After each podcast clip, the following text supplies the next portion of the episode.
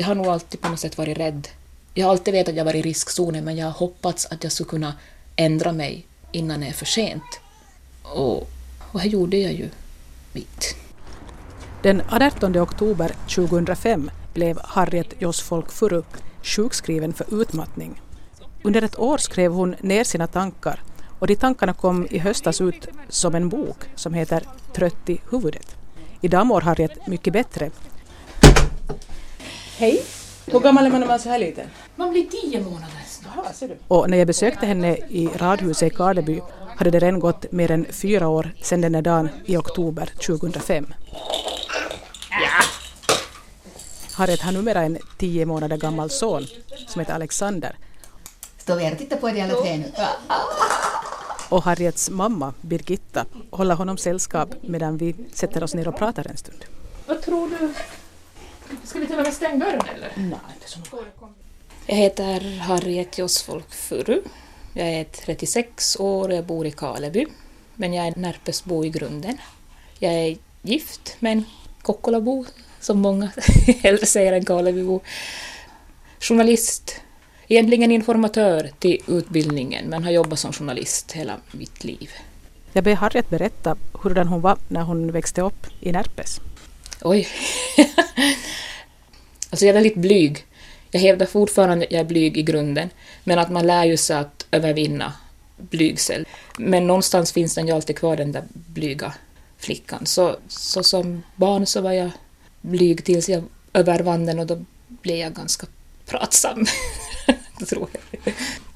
jag tror att det kanske är så att om min mamma är hemma från Vasa och pappa Närpesbo och vi pratar något slags högspråk hemma, så jag tror att det har delvis att göra med det att jag aldrig har känt mig som riktigt, riktig Närpesbo. Alltså Närpes är ju mera hemma än något annat. Jag har åtminstone varit kanske hittills, nu har jag ju varit 12 år i Karleby så nu börjar ju Karleby bli mera hemma. Men jag har nog alltid känt mig lite utanför, lite udda vid Närpes så det fanns nog alltid en längtan efter... Sen då skolan är över då ska jag ut och se vad, som, vad det finns för annat. Att det kan ju hända att man märker att när det andra är inte så bra, det är nog det här som... Det är nog tillbaka hit som jag ska, men... Ja, jag vet inte riktigt hur jag ska förklara, men någon slags främlingskap eller utanförskap kände jag nog. Efter gymnasiet åkte Harriet först till Nordiska folkhögskolan i Kungälv utanför Göteborg och där valde hon journalistlinjen. Jag, jag såg det som ett mellanår för att jag nu ville ju studera någonting. Och, men jag var väl lite osäker tror jag på journalistiken redan då för jag tyckte väldigt mycket om att skriva men jag var osäker på att är jag nu rätt person eftersom jag är en ganska känslig människa och jag har nog mycket funderat på det där att ha en rätt rätt inställning till journalistiken och kommer att kunna vara så tuff och hård som man ofta behöver där och, och klara av den där pressen och stressen. Och, så efter det där året så kände jag väl att jag ännu ska vilja lite som mogna. Då såg jag en annons om eh, au pair i, i Danmark och jag tänkte att kanske Danmark inte skulle vara så illa. Så det var ett år i Danmark. Och efter det började jag nog känna att nu är det nog dags att, att börja studera. Jag sitter både i Danmark och till, till Sverige. Jag åkte upp på inträdesintervju till journalistlinjen i, i Sundsvall. Där, jag kom inte in där, men jag blev reserv till informatörslinjen som jag hade kryssat in och sånt här. Jag sökte alla möjliga medieutbildningar. Men jag kom in på Roskilde universitet i, i Danmark, humanistisk grundutbildning. Och då kände jag nog lite sådär att när jag hade fått mina två mellanår då, att kommer helt ensam till ett helt nytt ställe där man inte känner någon. Så jag börjar väl nog känna lite av det där att, att nja, jag vet inte hur intresserad jag var att fara till något helt nytt ställe igen, för att man blir som en papegoja, man ska hela tiden berätta vem man är, varför man pratar svenska fast man är från Finland och hela den där. Så att jag var nog, jag tror jag fick någon av min jag vet inte om det var den första, men i alla fall en av de här större livskriserna just, just i det skedet, för att jag, jag kom hem över sommaren från Danmark och jag fick veta att jag hade kommit in på Roskilde och jag tänkte okej, okay, jag, jag, jag flyttar dit. Men då hade jag varit några dagar i Danmark då jag fick veta att jag hade kommit in i, i Sundsvall då på, på reservplats och då, då, jag, då jag blev jätteförvirrad och visste inte vad jag skulle ta mig till för jag kände att jag vill bo kvar i det här landet men utbildningen kanske är mer intressant i Sundsvall. Och det bestämde jag efter några sömnlösa nätter och lite tårar och rop, rop och skrik och funderingar. Så tänkte jag att nej, då blir det Sundsvall. Så då blev det Sundsvall i tre år efter det. Hela första året tänkte jag nog att jag ska bli journalist, jag ska bli journalist, att jag ska jag söka på nytt. Men sen i slutet av det där året så då tänkte jag att det är bredare med informatörsutbildningen att, att kanske jag ska satsa på det istället. Så då blev jag kvar på informatörslinjen. Då. Och sen blev det tydligen Karleby. Sverige är jättetrevligt och jag trivs ju nog där men någonstans så kommer nog någon form av hemlängtan som och så märkte man ju då man träffade någon från Österbotten som pratade ungefär som jag. Man tänkte att åh vad trevligt, att, varifrån är du? Och, och man började tänka att vad, att, att ska jag kanske vilja tillbaks och så. Och då tänkte man ju mycket på det då att ska man tillbaka så måste man kunna finska och då fanns den här tjänsten här och så tänkte jag att åker jag upp till Karleby så är jag ju tvungen att lära mig finska. Harriet Josfolk flyttade alltså till Karleby där hon hade fått en fast anställning på tidningen Österbottningen. Då var hon 24 år gammal och singel. Förut när jag flyttade hade jag ju flyttat och kommit till en utbildning med folk i, i samma situation. Nu var det första gången som jag kom till ett ställe där alla hade sina sociala kontakter klara. Så att det fanns ju inget, ingen som hade som behov att umgås med mig på så sätt. Jag tyckte nog att det var lite jobbigt ibland. Jag gick någon konstkurs bland annat och tänkte att ja, men, äh, kurser lär man känna jämnåriga och, och likasinnade. Och, och likasinnade kanske ja, men jämnåriga, nej, de flesta jämnåriga var ju iväg och studerade och de som hade stannat här så hade ju familj och barn och har väl inte heller något större behov att lära känna någon inflyttad singelkvinna. Så det tog förvånansvärt länge. Jag vet inte om det berott kanske delvis på mig, men jag tycker nog att många andra som jag pratar med som, i, som unga vuxna har flyttat någonstans, speciellt och kanske till mindre orter, att, att man märker det att det tar längre då man är, då man inte är tonåring mer, då man är lite, lite äldre, att, att det är inte så bara att skaffa vänner. Sen var det kanske att jag flyttade hit, jag hade ju skämtat för oss att ja, jag ska hitta en finne så jag lär mig finska ordentligt. Då hittade jag honom ganska snabbt. Han var inflyttad. Men det kom nog lite för snabbt. Jag hade blivit hjärtekrossad i Sundsvall första året där och det var en sån där, av den kalibern att jag visste att det här tar tid att komma över. Och jag tror att, att då jag inledde det här förhållandet här så var det lite för tidigt för mig plus att, att han var ganska förvirrad eller vad man ska säga, Sönd, söndrig skulle jag vilja kanske uttrycka det som och så att höll vi ihop knappt två år tror jag. Sådär. Men då på något sätt så fanns det ju kvar den där, då jag flyttade hit så tänker man ju sådär att ja men nu, nu ska jag jobba några år här så jag får erfarenhet och sen ska jag göra det som jag egentligen vill. Vilket skulle ha varit? Ja, det visste jag inte riktigt men jag tänkte att jag kanske kommer på det så här under färden att så småningom som det här är väl helt okej okay, men att egentligen så är det något annat jag ska göra och så och sen i och med att han var inte härifrån heller så tänkte man ju som han var från Åboland hemma egentligen så, så då tänkte man så att ja men kanske att Åbo tycker jag verkar vara en ganska trevlig stad. Att ska jag flytta någonstans inom Finland så Åbo skulle kunna vara ganska trevligt. Så man hade ju som i tankarna lite sådär att kanske jag bär av dit så småningom. Och sen så märker man plötsligt att nej men den här människan kan jag inte leva med. Jag är tvungen att avbryta det här. Vad kan jag vara då? 20, 27, 28 då, då, det tog slut och man märker att, att oj då, nu kanske jag ska söka mig till Åboland, nu, nu är jag helt fri, nu kan jag göra precis vad jag vill. Vad vill jag då egentligen? Att om jag inte gör det här, vad ska jag göra då istället? Ska jag bo här? Och, och, och då fanns den faktiskt kvar, den där känslan jag hade haft förut, från det jag hade flyttat ett år i, i, i taget efter gymnasiet. Jag tänkte att nej, men orkar jag verkligen som börja bygga upp något nytt någonstans? Att ska jag som... Så då, då fortsatte jag förverkligade i och för sig vissa projekt. Då jag gjorde... Jag for till Island fick stipendium och skrev om ensamma mammor bland annat. Och Harriet var inte bara till Island på reportageresa utan också till Nya Zeeland. Jag hittade en fotograf som var villig att resa med mig och så for vi till, till Nya Zeeland och gjorde då en bok om sådana som har emigrerat dit. Hur länge var det där? Lite över en månad. Så det var kort tid men, men ändå man fick nu se det där landet som man har drömt om att få se och fick göra något annat. Så du gjorde det bästa av det här din singeltillvaro, att du inte var bunden till någon eller sådant och du passade på att göra sådana saker? Ja, du... fast då jag åkte iväg till Nya Zeeland hade jag träffat Ulf redan. mm. Men han var ju införstådd med då att, att jag, jag sa ju att det här jag ville göra så länge så det här, det här ska jag göra. Och, och det var okej okay för honom. Fast det är ditt bakhuvud hela tiden då, när du var under 30 sådär att du visste att du någon gång nog absolut ville ha barn? För jag förstod i boken att du var nog inställd på det då i alla fall. Ja, nej det där är lite konstigt för att jag har aldrig Jo, alltså klart att, klart att man vill ha barn höll jag på att säga. Nu har jag barn ska vara välkomna men det är inte bara som sådär livsviktigt eller hur jag ska säga utan jag tänkte att jag skulle gärna ha barn om jag kan få. Och om jag hittar den, den, den rätta pappan.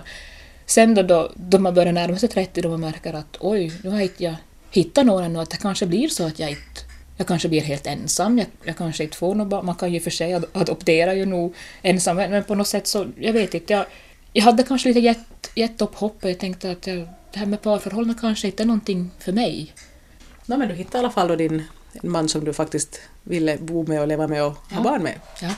Det var så trevligt när vi träffades för vi var båda två sådär lite, då man är om man då säger lite äldre då man träffas, så Ulf är sex år äldre än vad jag är, så, så var jag som båda på något sätt så förvånande för bägge av oss, så att, man, att man märkte att kan det vara så här enkelt? att man funderar, vad jag har för förhållanden för en? Och jag har haft bättre och sämre förstås, men båda var liksom överraskade över att wow, att det gick så enkelt att vara tillsammans. Det hade jag inte varit med om förut. Du hade väntat att det skulle vara komplicerat liksom? Ja, att man skulle, så måste jo, jobba. Och klart att man måste jobba för sitt förhållande också, men att man ror som åt samma håll. Vi vill att det här ska bli bra och vi vill, som, vi vill samma sak. Tydligen i det skedet så bestämde du dig för att du skulle stanna här i Kokkola då? Ja, det var nog ganska så självklart då att okej, okay, nu, är, nu har jag hittat en sån här, nu vill jag prova se om det här faktiskt kan det hålla i sig denna lycka. Eller? Det visade sig att lyckan kunde hålla i sig. Och år 2005 så gifte sig Harriet och Ulf. Men det var också i oktober samma år som Harriet blev sjukskriven för utmattning. Jag, jag upplever det som att ha varit på gång under många, många år, men så har jag fått lite konstgjord andning då och då. Bland annat Nya Zeelandsresan blev ett sådant andningsuppehåll. Och man märkte när man var där att wow, vi jobbar ju i princip hela tiden för vi samlar material, men vi gör det i en helt annan takt. Man kan nog jobba så här. Och man kommer hem och man har nya upplevelser, och man tänker att wow, det här ska jag minnas som att man behöver inte dras med den där stressen som ju finns nästan överallt i samhället idag. Och sen, jag vet inte hur det går till, men sen tillbaka i vardagen, så förr eller senare så är man där igen. Man har vissa insikter, de finns väl nog kvar insikterna någonstans, men man kan inte leva i dem på något sätt. Så jag har ju nog alltid, som jag skriver där i boken, att jag, jag har nog alltid på något sätt varit rädd. Jag har alltid vetat att jag varit i riskzonen, men jag har hoppats att jag skulle kunna ändra mig innan det är för sent. Och, och här gjorde jag ju mitt. Jag har nog trott att det finns vissa genvägar sådär att jo men jag vet att, jag, att min livsstil inte är den allra bästa så men att ja men ändå bara de här två veckorna. Bara de här två veckorna är över. Men så är det bara det här att det blir två veckor på två veckor på två veckor på två veckor.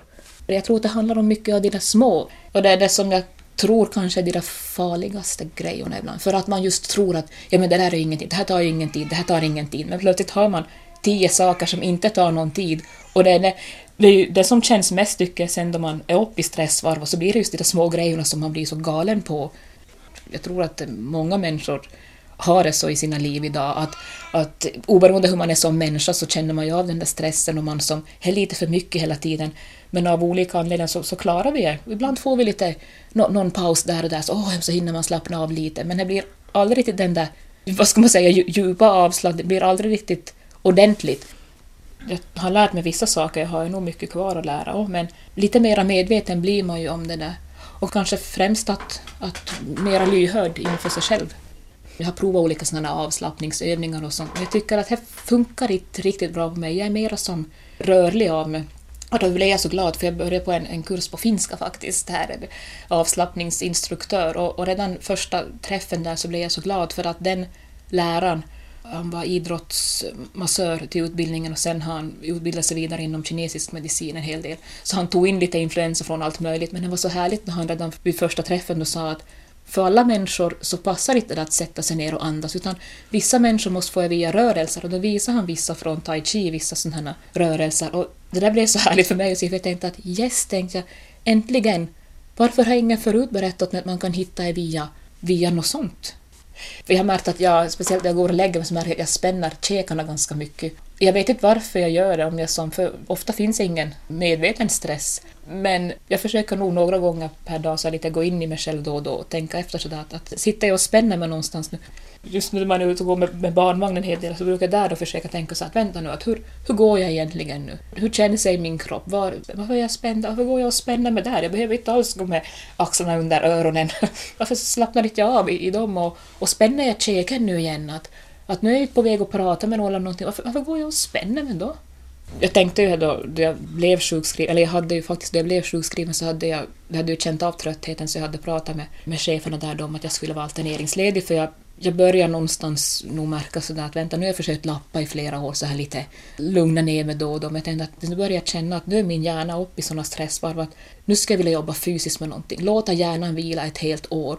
Jag var faktiskt inställd på det att då jag någonting där jag kanske kan så via någon bekant eller på något sätt som får jobba fysiskt bara, att få göra slut på kroppen någon gång, bara på, på hjärnan. Det fanns ju stunder när man tänkte att, att hjälp, att det, att det är redan för sent, att nej men det får inte vara. Man, som, man bet ihop, man, man steg upp och tänkte bara den här dagen, bara jag klarar den här dagen, bara jag klarar den här dagen. Men det funkar ju inte så i, i längden. Och, och sen då jag väl blev sjukskriven då så det var ju en jättelång process att, att inse då hur, hur illa däran jag faktiskt var och sådär men, men ganska snabbt började jag nog tänka då att, att nu är det nog så att jag ska inte försöka hitta något fysiskt jobb utan jag måste försöka komma till ro i mig själv och försöka som om jag skalar nu bort alla de här stresslagren och allt annat som jag har blivit, vad, vad finns då kvar? Vem är jag idag och vad vill jag? Vem finns här under alla dessa lager av, av stress och, och vad vill den människan? Jag måste försöka möta den människan. Och man kan ju ha olika åsikter om hur mycket man ska gräva och hålla på. Jag knappast har ju som kommit till botten med allt, men ändå fått vissa insikter och jag hoppas att det är tillräckligt för att jag ska kunna fortsätta leva i en lugnare livsstil. På så sätt har jag varit lyckligt lottad att jag har, att jag har fått barn. Av flera orsaker är jag lyckligt lottad för att jag kan ju vara jätteförvirrad ännu, men nu har jag faktiskt jag gått en graviditet och håller på och ammar, så då är det på något sätt legitimt att sådär man är lite mossig i hjärnan och, och nu blir jag ju inte rädd själv heller, vilket jag ju blev där då man märker att jösses, att det är stressen som gör att jag har blivit så här och att man själv någonstans är medveten om att det är mitt eget fel. Okej, nu kan man ju visst, samhälle är ju det är ju inte lätt att leva här idag, men ändå tänker man sådär att jag har ju nog kanske, om jag skulle ha varit riktigt ärlig mot mig själv och lyssnat mera, så skulle jag ha märkt mera i tid. Och hur kan jag ha gjort så här illa mot mig själv? Vad är jag för människa som behandlar mig själv på det här sättet? Men, men det är ju fördelar med allt och jag är så glad att jag kan känna nu att, eller det som är meningen med kriser och att de ska ge en någonting. Många hamnar ju utför flera gånger under sin livstid. Jag hoppas att jag aldrig ska behöva med om mig igen. Det var ju därför som jag tänkte från början att jag ska ta så pass lång tid för den här återhämtningen så att jag aldrig behöver gå igenom det här igen. För jag tycker fortfarande, utan att ha någon läkarkompetens, så tycker jag fortfarande att jag hade en relativt lindrig variant. För för mig så var jag aldrig så att det var lite modigt att gå upp någon morgon, men det var aldrig så att, att kroppen slogs ut. Utan det var bara som jag kände mig så fruktansvärt trött i huvudet, jag orkade inte hänga med i samtalet, jag orkade som inte Medan kroppen orkar ganska mycket med. Visst finns det vissa dagar då man är slut i, i hela systemet, men oftast var det så att, att jag kände att kroppen orkar, men, men det är som hjärnan som, som måste få vila en längre tid. Det som jag tycker har varit, som jag reagerar på riktigt här i, efter att pojken föddes så här i, i början på året, så var att för en, den sak som har hängt med längst för mig är ljudkänsligheten.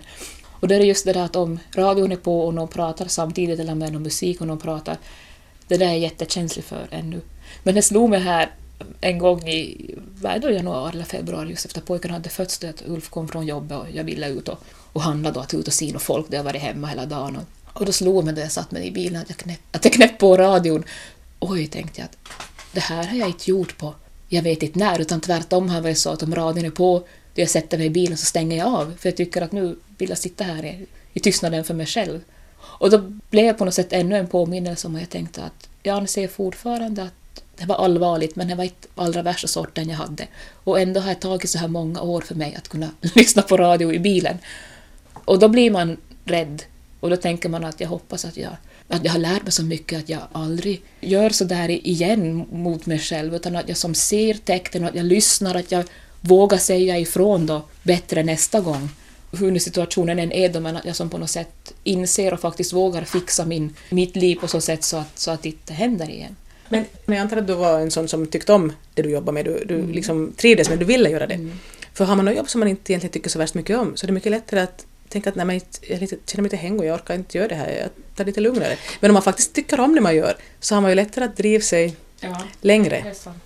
Jag har en, en eh, manlig kollega som redan för många år sedan var lite förundrad över, han är äldre än vad jag är då, att, att han förstår inte det här med, med de mycket unga som, det här nu som kommer på praktik och, och sommarjobbare och andra unga, så att man talar om att det ska vara så roligt på jobbet, att, att det inte är något roligt på jobbet, att, att han, han förstod varifrån den inställningen kommer, för att ett jobb ska väl inte vara roligt. Och när han sa det så minns jag att jag tänkte att klart att jobbet ska vara roligt.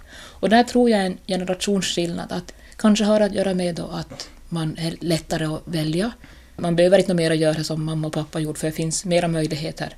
Och jag tror att det blir en av de där pressarna som folk känner idag, att det, det ska ju vara roligt. Du ska på något sätt vara din egen lyckas med, du ska ha ett häftigt jobb, du ska vara som, hela ditt liv ska vara som perfekt mer eller mindre. Och där tror jag att någonting av problemet är för många just det där att det ska vara så jätteroligt.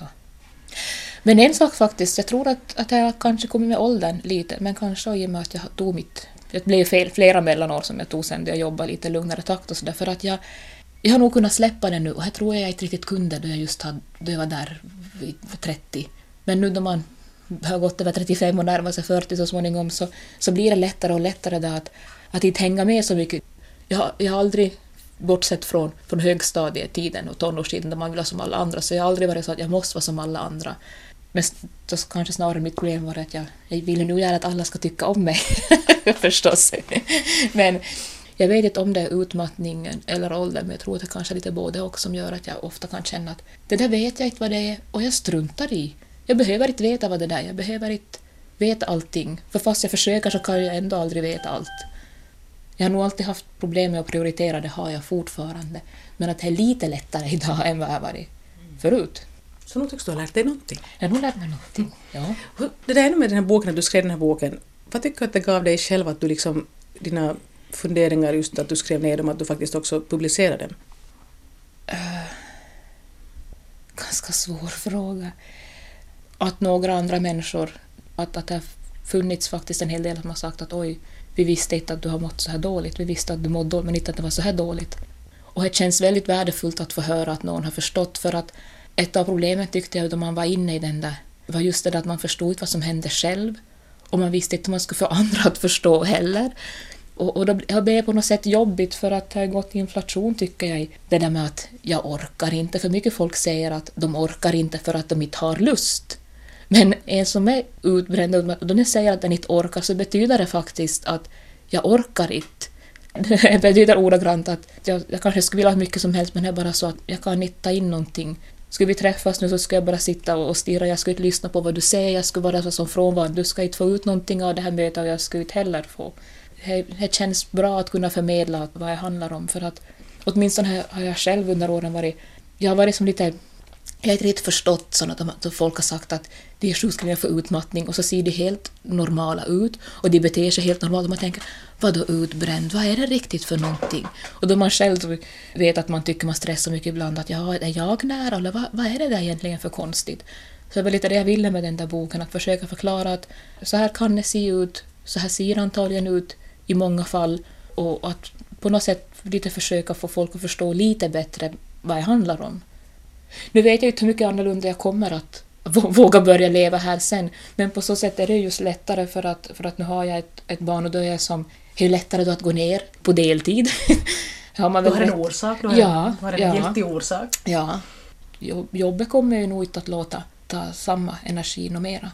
Och nu är det lättare för nu ska man ju sen då hämta på dagis och man, så man kan inte sitta, sitta en hel kväll. Det gör- det är ju en, en sak, som, men när man är barnlös och speciellt om man är singel så är det så lätt att bli kvar på jobbet och fortsätta jobba för man har inte riktigt någonting som man ska skynda hem till. Men du, ännu det här, vilka var de här sakerna som du la märke till när du ser på dig i efterskott som, som hade förändrats, att du märkte att det höll på att hända någonting med dig? Att jag menar, var det det att du just blev bara tröttare eller hade du också börjat sova sämre eller hade du börjat mm, bli mer irriterad, sitta längre på jobbet? Vilka saker märkte du? Ja, sova sämre, mindre effektiv, totalt förvirrad mellan varven, göra konstiga fel. Alltså, fel är ju mänskligt, men sådana väldigt klantiga, märkliga, märkliga saker som blev fel. Just sådär att man missar tider, man missförstår helt. Jag kom en gång till, till frisören och tyckte att jag var i god tid och jag kom tio över ett och hon såg lite ledsen ut och sa att vet du att jag kan inte ta emot dig nu när du kommer en halvtimme för sent. Jag tänkte att jag är ju fem minuter före, det var ju kvart över. Hon sa när det var kvart före. Det är ju hemskt, man blir ju, ryggraden fryser till, man känner bara ilar och man tänker att va? Jag skulle kunna svära på att det var kvart över, men att antagligen så har jag ju missförstått fast jag är så säker på att, att jag inte har gjort det och, och sådana saker är ju skrämmande. Så absolut sånt, om man märker att man börjar bli annorlunda. Sen kanske man då ska, ska fundera på hur man reagerar om någon säger att du kanske ska ta det lite lugnare. Om man reagerar med ilska och raseri så kanske det betyder att, att det är känsligt och de frågar och att det faktiskt är ganska illa. Det tror jag. Men sen, sen det lömska med utbrändheten är ju det att man någonstans innerst inne tror jag att man förstår, men man hoppas och man förnekar in i det sista. Att nog fanns det ju stunder där då jag som tänkte att det kan det vara för sent redan, men jag att nej men att jag, men jag orkar ju ändå det här, jag gör ju ändå det, här, men det är väl så för sent, att det är nog bra, men jag ska ändå nog ta det här alterneringsledigheten, jag ska ändå nog få den här långa pausen, jag ska nog ändå nog som Men sen då faktiskt om man går till läkaren och läkaren säger att nu ska du hem så den, den där dagen kommer jag nog aldrig att glömma i hela mitt liv. Den chocken att fast man någonstans är medveten om att nej, det här är inte så bra, men att hur illa är man inte medveten om och sen när man som då den hårda vägen tvingas inse att det är faktiskt så här illa. Uff, man förstår inte hur hemskt den dagen är förrän man har varit där själv. Eh, fast samtidigt så har jag alltid varit rädd för att det skulle hända. Och jag tyckte jag var ganska smart då att jag faktiskt vågade börja prata om den alterneringsledigheten och, och få till den. Men det var, det var ju allt för sent som jag började fixa till den. Så du använde din alterneringsledighet till att vara sjuk egentligen? Ja. För du var sjukskriven bara en kortare tid och sen så var du Ja. ledig då? Ja. Och det här var ju, det här är ju ingenting som jag rekommenderar andra att göra. Men faktiskt i somras pratade jag med en människa som gör likadant, så jag tror att det kanske inte är så ovanligt heller. Och det handlar just om det där att, att det är på något sätt lättare att, att säga att man är alterneringsledig än att säga att man är sjukskriven för att man är utbränd. Det handlar om feghet. Kan, vi, Man kan ju säga vad man vill oberoende. jag är ledig. Fast jag är dålig på att ljuga, jag, så jag kan Okej, inte men säga riktigt att du är ledig. Du behöver inte fråga varför du, du är ledig. Man måste ju inte förklara allting åt alla. Nej. Jag hörde ju de här grejerna som jag ska lära mig. Att jag, jag, har haft, jag berättar allt. Ställer någon en rak fråga till mig så svarar jag vanligen rakt och, och det är alltid så bra för en själv. Så till de saker som jag försöker lära mig är det där att jag behöver inte svara då någon frågar någonting. Jag kan be att få tänka på, på saken och svara först imorgon. Men när man är duktig flicka så är man rädd för att såra andra och vill inte vara elak och så där. Så därför så, så är det lite jobbigt så där då att, att inse att, att jag är verkligen inte elak om jag försöker skydda mig själv heller utan alla... Du har rätt att fråga mig, jag har rätt att säga att du får inget svar. Att försöka byta lite blöja. Ja, ska du, du säga till om du vill ha hjälp? Hej på dig. du? Sätt ut honom sen då. Är han trött nu? Börjar han trött? Ja, Jag jag, jag byter gärna blöja där. Du hittar ju dem igen. Jag funderar än idag att om den här förnekelsen ännu pågår, för på ett sätt så förstår ju jag och jag har ju märkt att vissa människor reagerar och att jösses, skrev du verkligen det där då du var sjukskriven? Och man tänker att jag, på ett sätt är det ju ett tecken på hur sjuk man är, att till och med om man är sjukskriven så kan man inte som bara vara, utan jag börjar skriva på någonting som jag redan tänker från början att om jag vågar ska jag publicera det här. Men, det var väl ett sätt att bearbeta det, också? ett sätt att bearbeta och sen blev jag också frustrerad över att man är så förvirrad själv i sin situation och visst, de försöker väl hjälpa från vården men jag tyckte att det var så bristfälligt och jag försökte hitta litteratur som beskriver att vad är det nu som händer? För det finns massor med böcker som berättar om vad händer när du är stressad? Man tänker att men sen då smällen har kommit, vad är det som händer då? Hur ska jag göra för att komma upp härifrån? Och gärna och som något slags som beskriver att hur den här processen går till för att man börjar ju må sämre först då man stannar upp. Men, men man vill ju ändå veta så att när ska jag svänga, vad har jag och, och, och vänta med? Och det var så svårt att hitta något sånt. Därför tänkte jag ganska snabbt att nu ska jag skriva, skriva ner de här tankarna som jag får och hoppas att jag kan använda till någonting sen så att jag kan, så någon annan kan lära sig, inte av mina misstag, men kanske kan få tröst och hjälp. För jag tyckte att, att jag kände mig väldigt ensam i många av de här tankarna och hela situationen. För att där i början var jag lite rädd för att gå ut. Som, jag tycker inte om att vara där jättemycket folk, jag tycker inte om att vara och handla när det är som mest folk. Men jag har ändå inte varit som så där rädd, men det blev jag så lite folkskygg.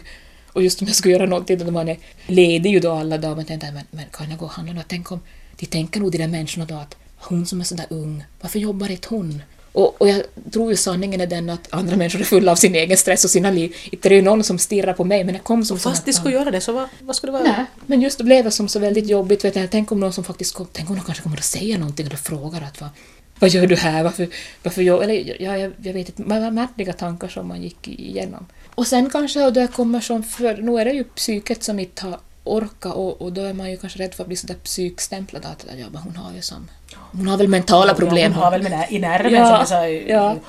Det är det som, man vet ju aldrig hur en bok slår, men det är det jag kanske skulle hoppas på att den här boken på något sätt skulle leda till någon diskussion där det kanske skulle bli lite lättare. För jag det inte helt lätt att ge ut en sån här bok heller, för att den är ganska utelämnande. Men jag har ju försökt tänka då sådär att någon måste vara den första att försöka kasta ut en, en vink till att hej, kan vi börja diskutera det här mera? Kan man, så här kan det se ut, så här ser det ut för ganska många människor. Orsaken till att man hamnar i det är olika, men jag tror sen att många av de där tankarna så, så delar vi nog alla för att man blir så osäker och det känns så jobbigt och allt det där. Kanske vi kan som börja prata mer om sådana här problem utan att stämpla den som, som ett nervvrak.